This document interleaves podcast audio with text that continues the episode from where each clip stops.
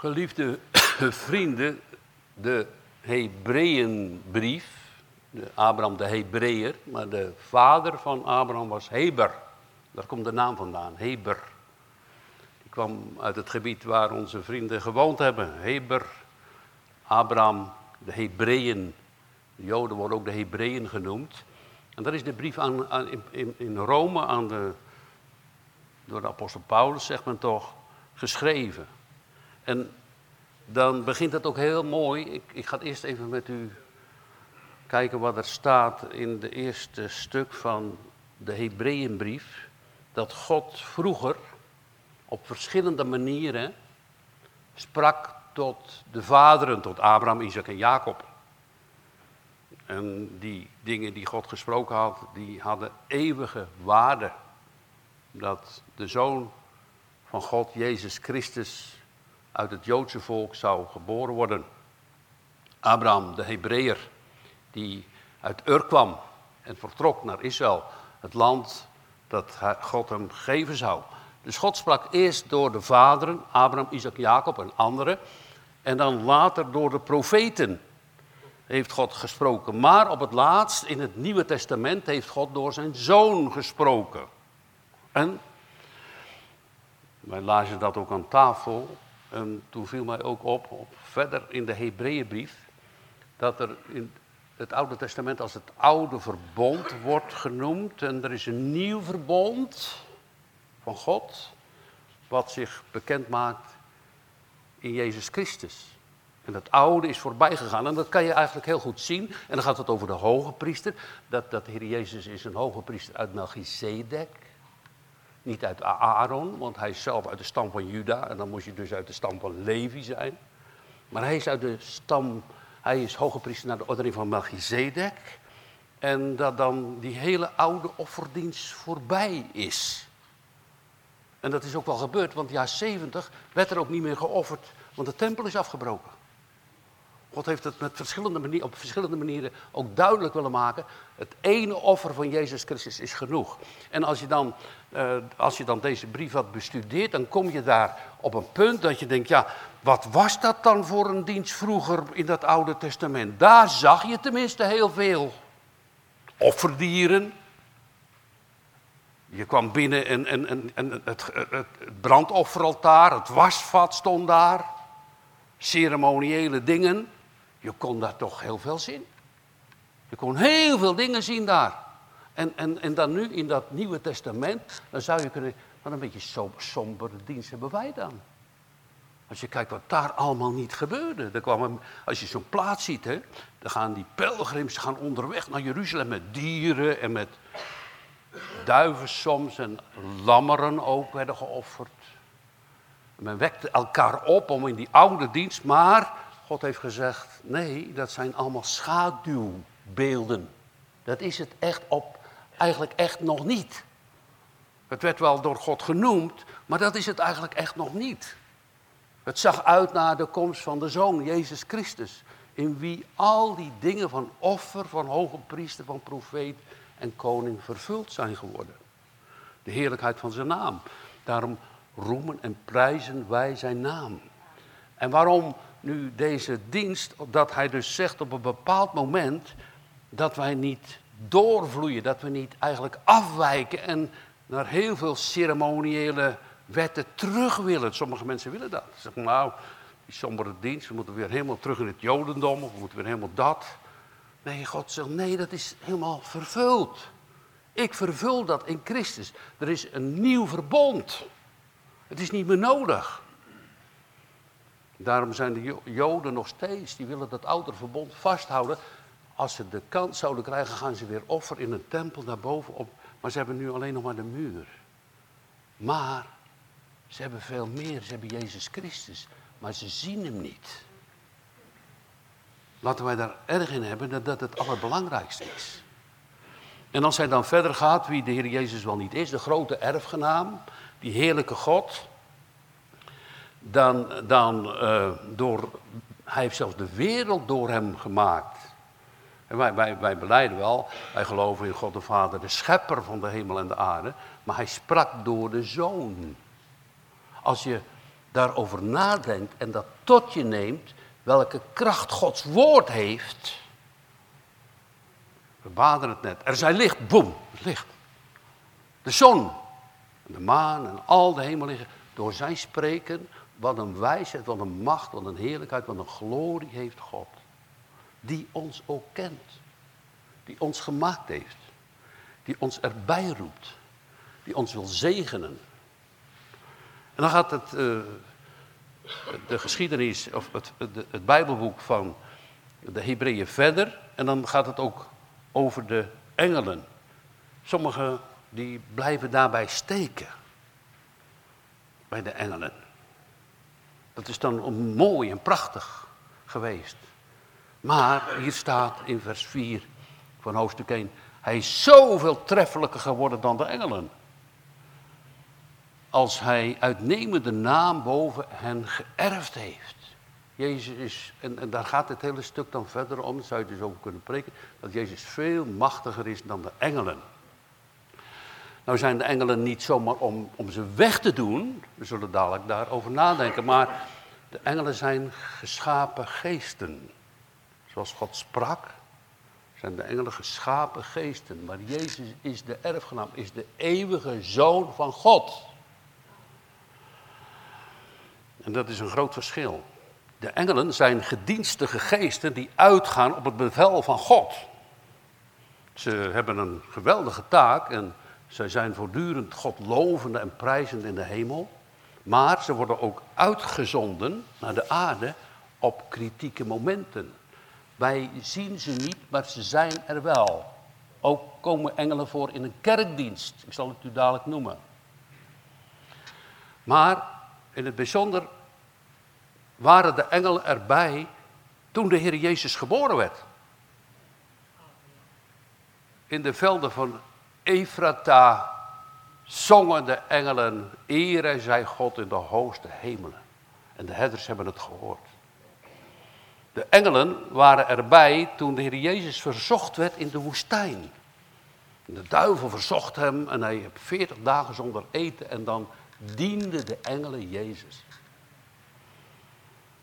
Maar toen de Heer Jezus grote druppelen bloed zweet in de hof van Gethsemane, werd hij ook door de engelen ondersteund.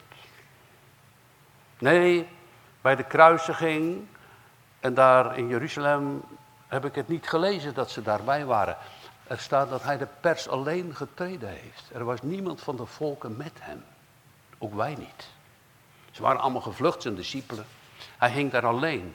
Hij heeft werkelijk alles alleen gedaan voor ons. En daar moeten we op letten. Dat komt dadelijk ook nog terug. Maar toen hij opstond, stonden daar de engelen. steen werd van het graf gerold.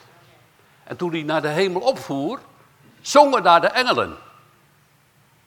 En misschien hebben u het in uw leven meegemaakt dat u plotseling denkt dat dat kan niet anders. Engelen hebben mij geholpen.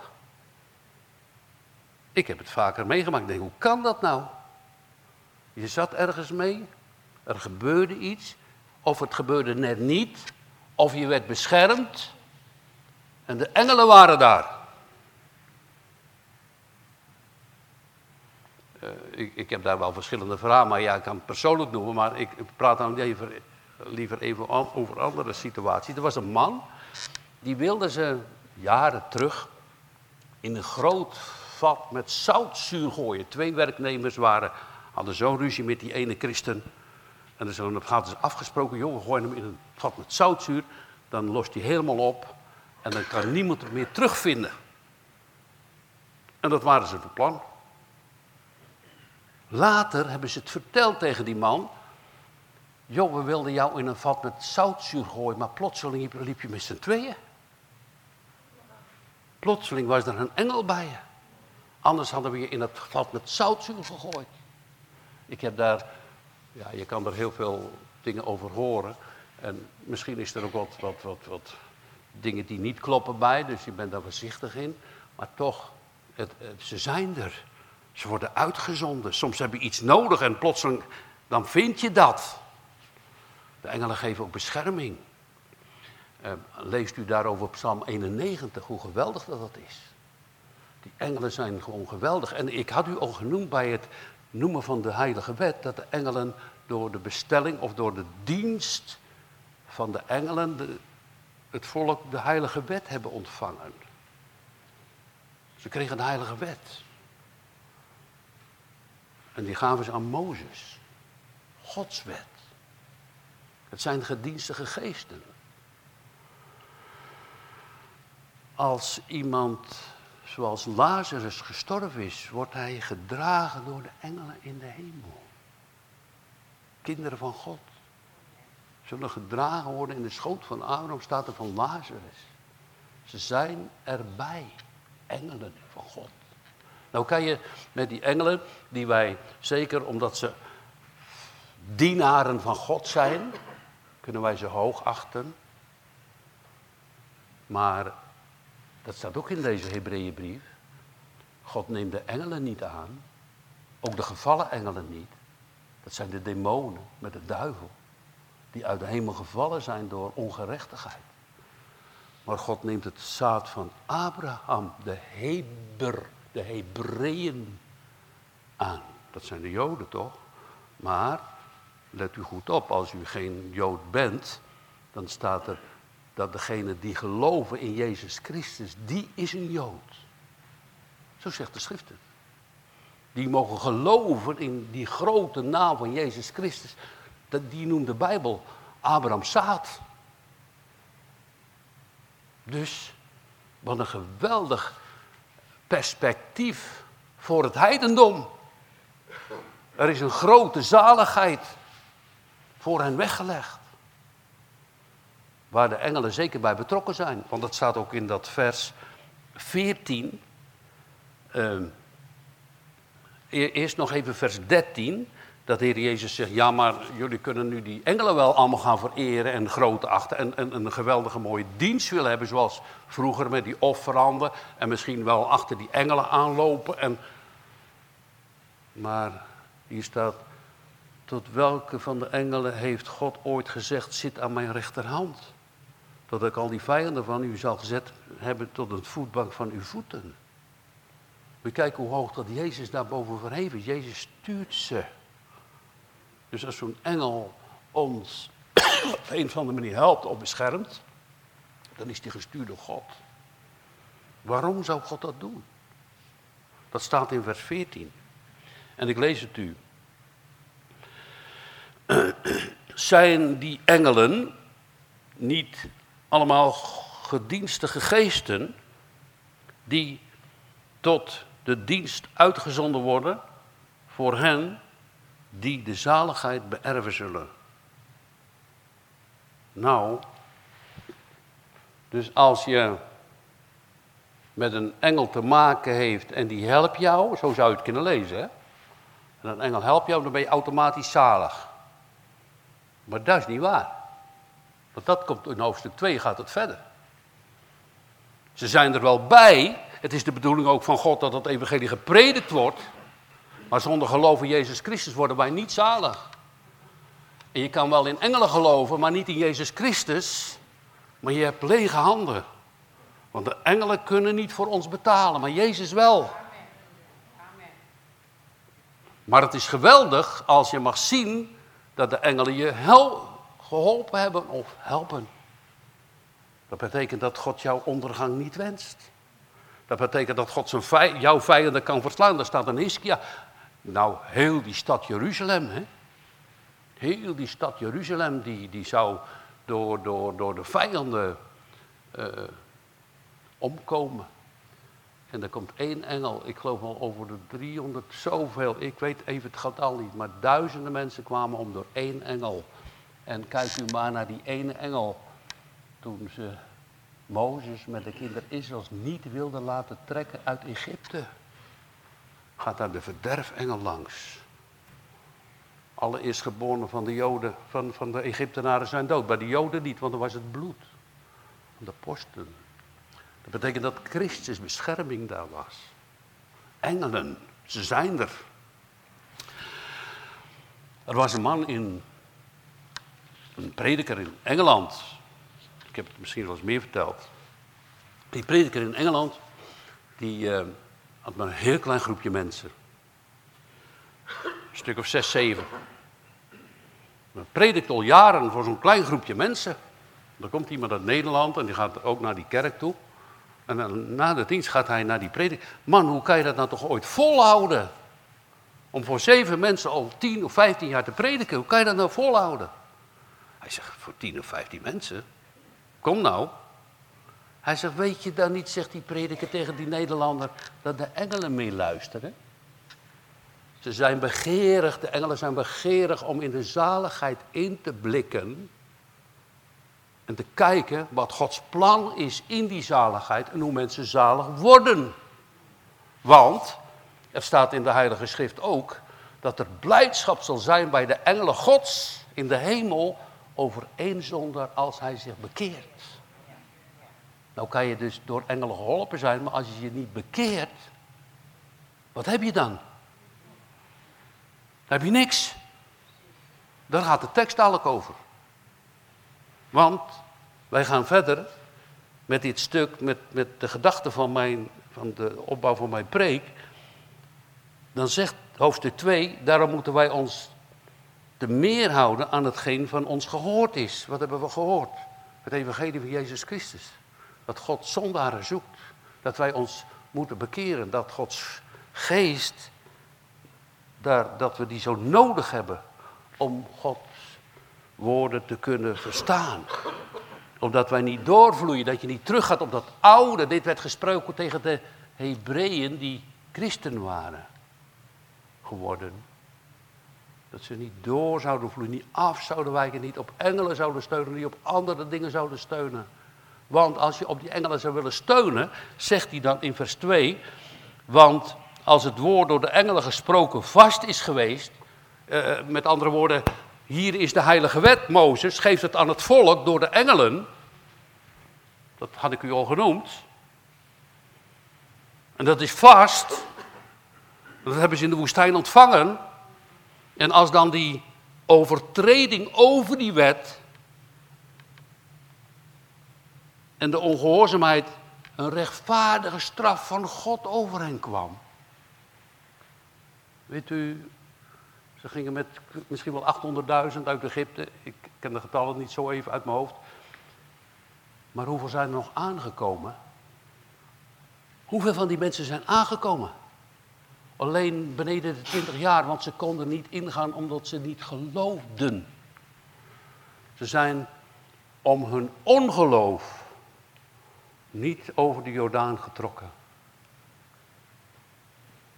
Ze zijn om hun ongeloof, zijn ze in de woestijn gestorven. En God zegt dat is een rechtvaardig oordeel. Daarom is het nieuwe verbond er ook. En dan zegt hij, als dat dan zo was, als dat vroeger zo was, dat die mensen niet in Israël mochten komen, omdat ze niet geloofden, volgt onze tekst. Hoe zullen wij dan ontvluchten?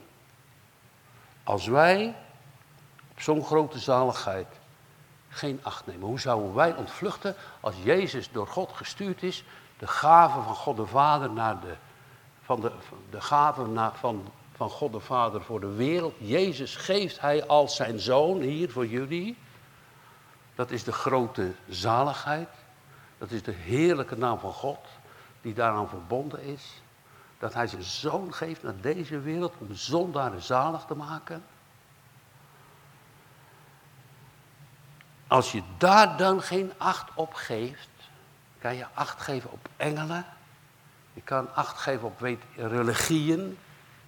Je kan acht geven op weet ik wat er allemaal niet gebeurt. is geweldig, hè? Ik ben door een engel gered. Ja, maar als je Jezus niet kent, als je Jezus niet volgt, heb je niks. Toch? Amen? Heb je niks? Je zou dus kunnen zeggen, nou ja, als, als je deze tekst zo leest, dan degenen die door de engelen geholpen zijn, die worden automatisch zalig. Maar dat gebeurde in de woestijn ook niet. En daarom volgt vers 2, hoofdstuk 2.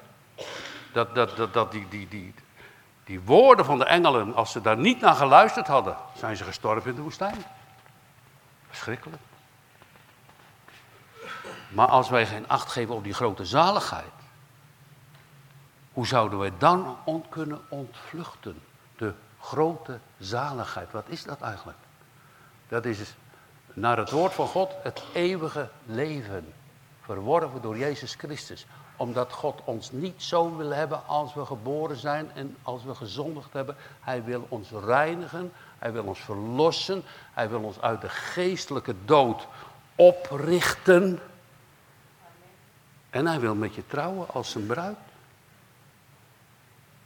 Zijn bruid.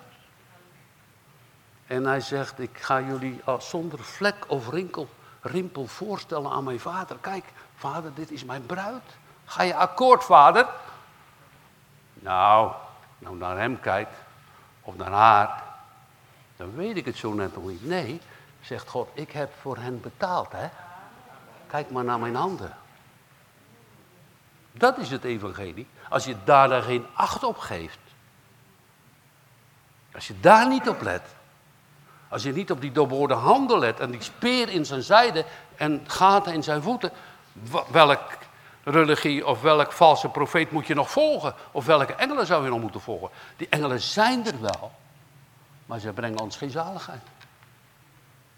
En als ze gezonden worden, betekent dat dat God jouw dood nog niet wil. Hij wil niet dat je zo in het graf stort. Die engelen, die zijn er omdat ze nog de tijd hebben om zich te bekeren. Daar gaat het om.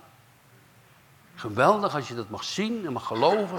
En dat prediken we ook omdat we zelf dus er meer bij betrokken raken. Dat we zelf niet doorvloeien, dat is één. Maar ook dat we het weten voor de anderen, dat we daar op die manier voor kunnen bidden. Vertrouw toch niet op mensenkind. Lees nou zelf, of zing dat lied. Hè? Wij kennen dat dan uit ons ook, Psalm 106. Vest op 146, vest op prinsen, geven vertrouwen waar men nimmer heil bij vindt. Zal men zijn hoop op mensen bouwen? Nou, laat staan op engelen ook niet. Geweldig zijn de engelen. Groot zijn hun werken door de kracht van God. Maar ze kunnen je niet zalig maken. Ze kunnen je niet helpen. Maar misschien is het wel mooi als je dan op de rand van de dood was en zo'n engel potje aan. Hé hey, niet doen. Keer terug tot het leven. Betekent dan toch dat u Jezus Christus moet gaan zoeken, toch? En hem moet gaan volgen. Dat is het eeuwige leven, toch? Dat is toch de krachtbron van God? Dat is toch van hem gegeven, van God de Vader. Zo'n grote zaligheid. Weet u dat die grote zaligheid die hier in de Bijbel genoemd wordt, door de wereld al echt heel klein gemaakt wordt. En in onze gedachten soms ook. Dat we er eigenlijk geen zicht op hebben hoe groot die zaligheid eigenlijk is. Het is zo groot. Noemt de schrift het. Grote zaligheid van God. Wat geen oor gehoord hebt en geen oog gezien hebt, wat God weggelegd hebt voor degene die hem vrezen. Daar is geen pijn, daar is geen nood. De tranen worden van hun ogen afgewist. Zij zien Jezus Christus als de Zoon van God, als hun redder en verlosser. Ze aanbidden Hem. Ze kennen Hem. Dus laten we niet, ja ik zeg dat is een beetje die oude taal, niet doorvloeien. Niet op die oude dingen terugvallen zoals sommige mensen dat ook willen. Maar op Jezus zien. De grote redder. En zijn heerlijke naam verkondigen in de wereld. Als hij dan zegt, op die grote zaligheid acht geven, dat is door de Heer zelf verkondigd.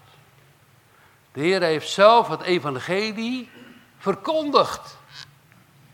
In dat nieuwe verbond. Hoe dan?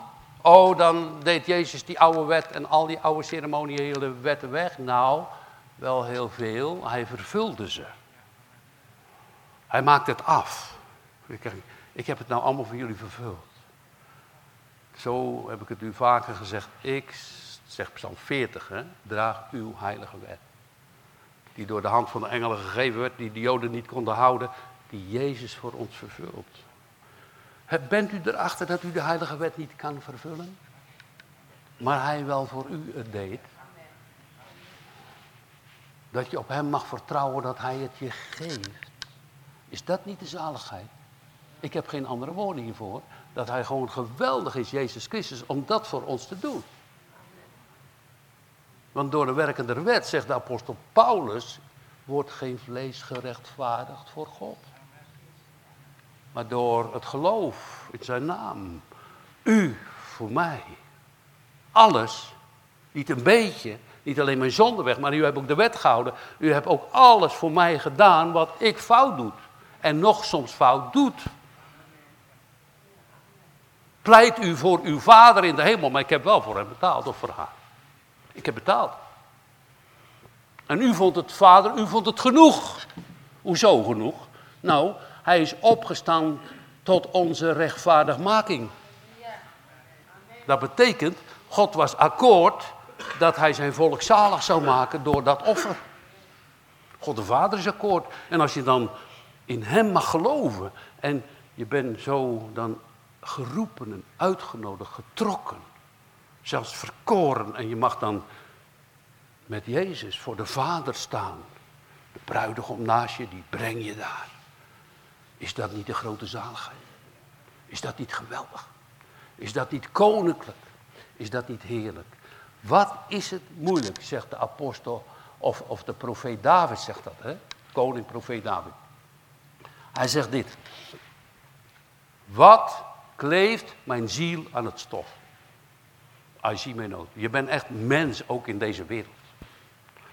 Je, je, je hebt het zomaar niet dat hemelse. We hebben zo Gods geest daarvoor nodig en de bestudering van zijn woord. Dat de kracht van de Heilige Geest in je komt en God tot je spreekt. Eén woord is scheppend. Zijn woord is scheppend. Is een krachtbron. Je zegt amen. Dat is van u. Dat deed u voor ons. Je gaat geloven. Daarom is het dus ook een vermaning als je op zo'n grote zaligheid die ons voorgesteld wordt en waar de mensen uitgenodigd worden om dat te ontvangen, als je dan zegt, nou laat dat maar zitten hoor. Ik ga toch gewoon mijn eigen weg. Ik heb, ben door engelen geholpen, prima, maar uh, Jezus, laat maar zitten. Wat zou God dan doen als zij stierven in de woestijn? En als je op zo'n grote zaligheid geen acht geeft. Nou mensen, dan, dan is het, je, er wordt wel eens gesproken over dat zwarte gat. Ik denk dat je eeuwig naar beneden blijft vallen. Want er is geen muurtje, hè? Kan u zich voorstellen hoe diep het wel niet is? Je blijft maar van God afvallen. Het is niet nodig. God nodigt je uit. Ziet af van je eigen plan, maar ziet op het plan van God. Die grote zaligheid die hij verworven heeft. dan kan je thuiskomen. Dan krijg je gebed. Weet je wat er gebeurt in je hart? Je krijgt erbarming. Als je Gods kind bent, krijg je erbarming met de ander, met je familie natuurlijk. Dan denk je bij jezelf, zouden die allemaal verloren gaan? Mijn God, red ze toch. Laat dat gebed eens een beetje sterker worden bij ons. Laten we meer roepen tot God. Want hij hoort vanuit de hoge hemel. En hij ziet vanuit de hoge hemel. Heren, ik ben maar de enige in de familie die u kent. En de rest niet. Wat gaat er met hen gebeuren, God? Zie je, dat is heb een wisselwerking van heel veel diepgang. Je wordt dan een uh, prediker in je huis en in je omgeving. Want als hier staat, moet u goed opletten, dat die engelen wel gesproken hebben, maar dat, ja, ik, ik wil echt mij niet uh, verhogen boven de engelen, zeker niet. Maar als ik dit goed lees, dan vindt God de prediking van zijn predikers groter dan de woorden van de engelen. Want de prediker van zijn predikers, als ze het mogen doen naar het woord Gods, prediken ze Jezus. Waar de engelen begeerig zijn om in te blikken. Dat staat hier, kijk maar. Uh, begonnen hebben we verkondigd door de Heer. En dat is aan ons, zegt Paulus, bevestigd geworden van degene die hem gehoord hebben. Dus ze hadden dat woord van God, die apostelen, gehoord. En ze moesten dat verder uit gaan delen aan de mensen. En als er dan gepredikt wordt, zoals ik zei, die man in Engeland met die paar mensen, gaan die engelen begeerig kijken, wat zegt die man? Waar heeft hij het over? Het gaat over Jezus, ja natuurlijk. En, en, en, en dan moet je eigenlijk als prediker wel heel, heel beschaamd zijn dat je er maar van stamelt. Dat je zo weinig van weet. Dat je toe moet nemen in de zaligheid en de kracht van de Heilige Geest voortdurend nodig hebt, maar jullie ook allemaal. Die kracht van Gods Geest zo nodig hebt om dit door te vertellen. Wijk af van al die andere religieën, maar luister naar het woord van God. Val niet terug in die oude dingen van vroeger. Zoals de Joden dat natuurlijk graag willen. Met die tempeldienst en die offeranden. Het is allemaal volbracht. Geloof in Hem. Weet je, dacht ik ook voor mezelf. Hoe komt het dat, het soms, dat de mensen het soms in de kerkdienst zo saai vinden? Omdat we eigenlijk niet meer hebben geleerd hoe we God moeten groot maken en aanbidden. Als je dat meer en meer, die kracht en dat onderwijs in je hart mag voelen, dan wordt het niet, is het absoluut niet meer saai. Dan wordt het heerlijk. Dan wordt het groot. Dan wordt het meer dan al die oude offeranden en diensten. Wat onder de schaduwen lag. Doe het niet. Vloei niet door. Maar geef acht op de grote zaligheid. Omdat Jezus, omdat Jezus Christus komt. Hij is de Heere. Ja, wij hadden nog opgeschreven Lucas 15. En daar staat dat er blijdschap is voor de engelen. Gods als één zondaar zich bekeert. Dus die engelen wachten op de onbekeerde mensen. Die soms ook door engelen aangeraakt zijn. Of geholpen zijn door de engelen. Of door Gods woord aangeraakt zijn. Maar het is nog niet tot vervulling in hun hart. En de engelen die wachten erop. Zou hij hij God weet het wel, maar hun, hun natuurlijk niet. En wij hebben de dienst van de prediking van het woord. Dat het woord ook, ja, dat heb God zo gewild, dat is niet mijn woord. Door de dwaasheid van de prediking heeft het God behaagd zalig te maken die geloven. Dat is Gods bedoeling. Zoals hij de engelen stuurde, stuurt hij ook nu nog zijn dienaren. En de zondagschool, en de predikers thuis en overal. Vertel het woord van God. Sommigen hebben zo de best gedaan, hè. Ik, ik zal nog even dat noemen. Iemand had zo zijn best gedaan om zijn vriend, die een goddeloze man was. Nou ja, hij was wel netjes, maar hij was, kende de heren niet. Wilde er ook niks van weten.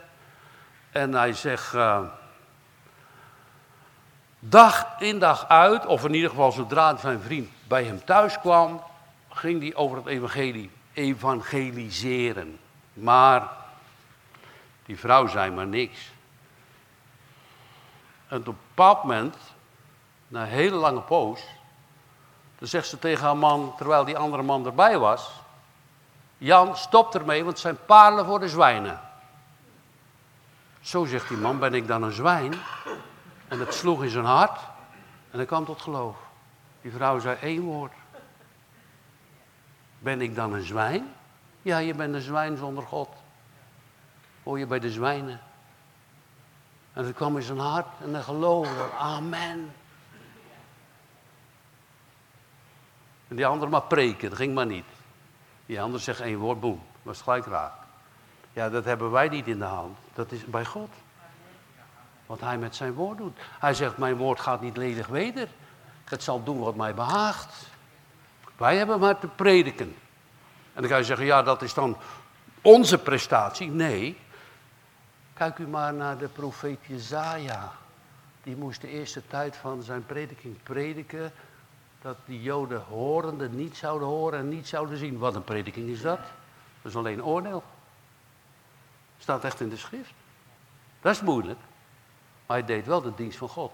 En later heeft hij zo geweldig verklaard de hele komst van Jezus. In Jezaja 53. Niet alleen van Jezus, maar ook de komst van Johannes de Doper. Heerlijke woorden gezegd. Daarom, we zijn afhankelijk van God. Wij maken niet zalig. Wij moeten doen wat Hij beveelt. Geef, en dan mag je om bidden, moet ik ook om bidden, dat ik zijn wil zou mogen doen. Vaak niet. Vaak is het bij ons niet zo best. Maar bij hem wel. Daarom prediken wij van die grote zaligheid. Geef daar acht op. Want hij roept je, ook vandaag. Vloei niet door, gaat niet weg, luistert naar zijn stem. En dan, u zal zalig worden. Als je naar de engelen luistert, nou ja, als de engelen Jezus aanspreken om, om hem te volgen, wel. Maar alleen door de engelen niet. Dat was mijn prediking. Er waren een paar jongens die ik verwacht had. Maar ze zijn er niet. Maar het was misschien goed voor u of voor mezelf. Maar anders moet het maar eens doorgegeven worden aan die jongens. Niet alleen op engelen vertrouwen, maar op Jezus. Geholpen worden door de engelen dan Jezus laten zitten. Nou, waar moet je dan terechtkomen? Wat zegt hij dan? Hoe zouden wij dan kunnen ontvluchten? Want, waar moet je heen? Heb u Psalm 139 wel eens gelezen? Al vluchtte ik in de hel, u was daar. U bent overal.